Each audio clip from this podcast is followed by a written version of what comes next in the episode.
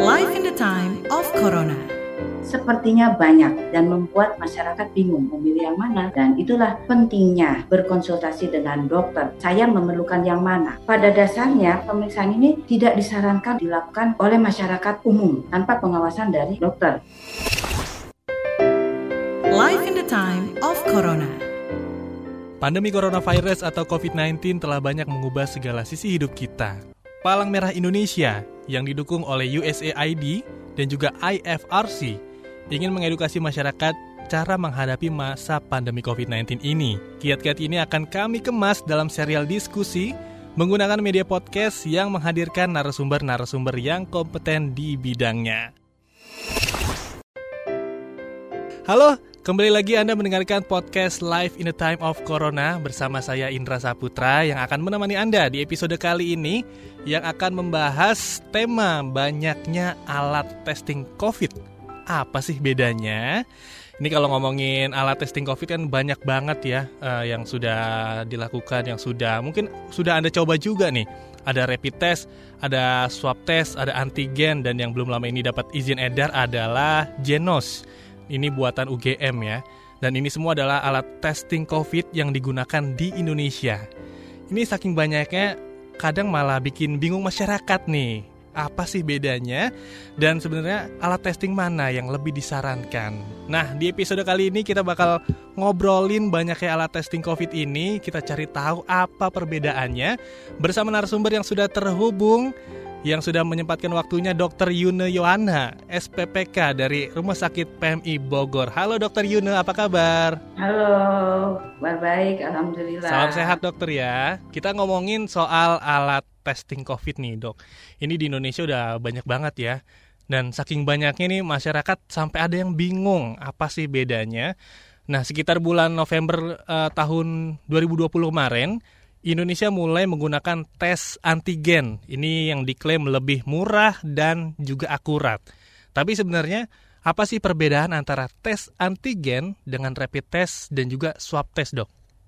Uh, gini, antigen, rapid antigen, ya ada. Jadi rapid itu ada antigen, ada rapid antibody. Kemudian ada uh, eh, RT-PCR, ya. Jadi mulai dari uh, kita perbedaannya uh, rapid antigen ya, rapid swab antigen. Spesimen yang dipakai untuk uh, uh, rapid antigen adalah swab dari uh, nasofaring, ya, dari hidung. Kemudian kalau misalkan rapid antibody itu spesimen yang dipakai adalah darah. Hmm. Kemudian kalau misalkan RT-PCR yang dipakai adalah swab uh, nasofaring, orofaring atau dari uh, bilasan lambung. Eh, bilasan sorry, bilasan uh, uh, tenggorokan atau bilasan paru gitu ya. Nah, uh, kemudian uh, yang dideteksi, yang dideteksi pada uh, rapid antigen adalah uh, protein nukleokapsid dari jadi bagian dari uh, virusnya tersebut. Tapi kalau misalkan rapid antibody yang diperiksa adalah antibody kita uh, sebagai reaksi terhadap terinfeksinya oleh uh, virus uh, SARS-CoV-2 tersebut. Kemudian kalau uh, eh, RT-PCR itu yang diperiksa adalah materi genetik dari uh, si virus SARS-CoV-2 ini, gitu ya. Kemudian hasilnya, hasil yang dilaporkan kalau misalkan pada uh, rapid antigen itu adalah positif negatif, hmm. ditemukan atau tidak, gitu ya. Jadi positif atau negatif. Kemudian pada antibody reaktif non reaktif. Kemudian pada RT-PCR itu adalah Eh, positif atau negatif. Kemudian waktunya, waktunya kapan sih dipakai? Gitu.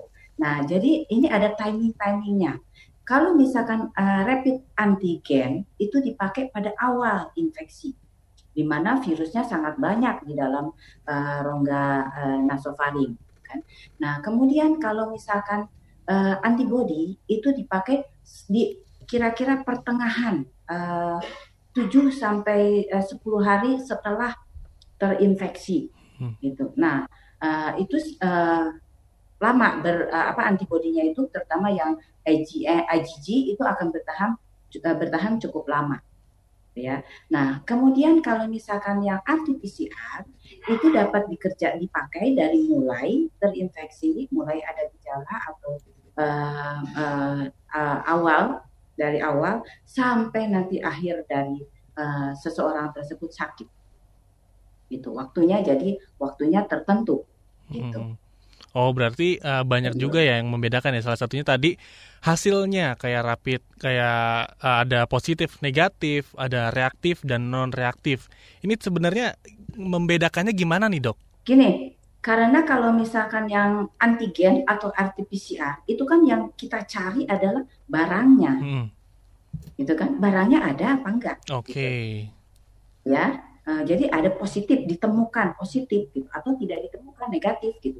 Tapi kalau misalkan antibodi yang kita cari adalah reaksi badan kita terhadap infeksi tersebut.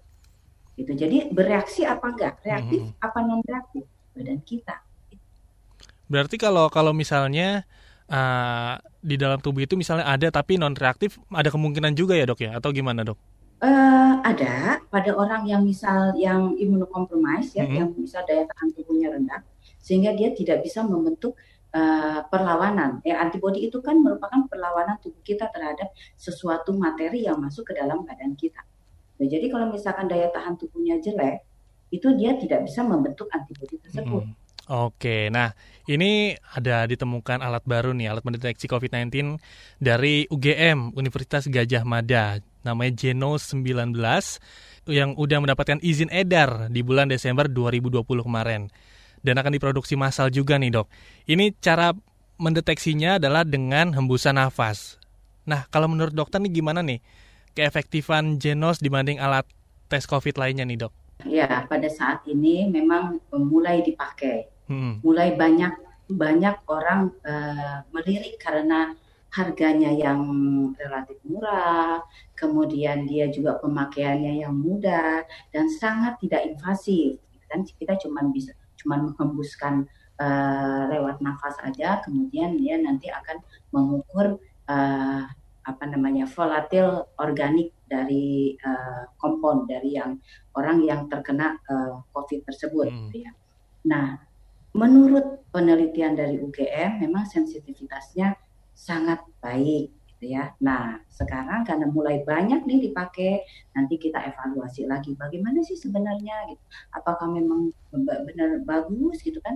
Selalu untuk menilai sesuatu itu kan kita berdasarkan uh, data yang diperoleh dari lapangan gitu ya. Jadi mungkin nanti akan lebih baik kalau kita uh, evaluasi lagi setelah pemakaiannya sangat banyak. Oke, nah ini kan dengan adanya banyak alat tes COVID-19 yang disediakan di Indonesia, ini sebenarnya bisa membantu pelacakan dan juga penanganan COVID-19 di Indonesia. Tapi bisa dibilang ini justru malah membawa, dampak negatif dalam artian ada juga nih masyarakat yang makin bingung nih dok, mau milih yang mana, harus pilih yang mana nih ketika ketika merasa nggak enak badan, apakah harus PCR, apakah harus swab atau harus antigen? Ini mungkin ada yang bisa disampaikan kepada masyarakat, dokter. Uh, gini, mungkin menurut awam ini akan memang sangat membingungkan karena uh, tadinya tadinya uh, eh, PCR dan antibody, kemudian uh, timbul lagi sekarang anti antigen, hmm. kemudian ada genos gitu kan. Jadi memang sepertinya banyak dan membuat masyarakat bingung memilih yang mana uh, uh, di saat saya membutuhkan gitu. Dan itulah pentingnya uh, berkonsultasi dengan dokter gitu ya. Bagaimana sih uh, saya memerlukan yang mana? Gitu. Karena memang pada dasarnya pada umumnya pemeriksaan-pemeriksaan ini tidak disarankan untuk dilakukan oleh masyarakat umum hmm. tanpa pengawasan dari dokter gitu. Karena yaitu bisa bisa salah interpretasi.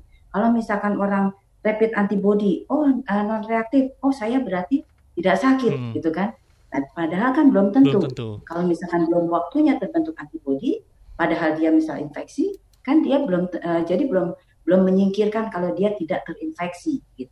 Jadi di sini pentingnya uh, dilakukan di uh, center-center uh, kesehatan di, di rumah sakit atau di puskesmas, di mana ada yang akan menginterpretasikan, ada yang akan membantu Oke. Gitu, menjelaskan.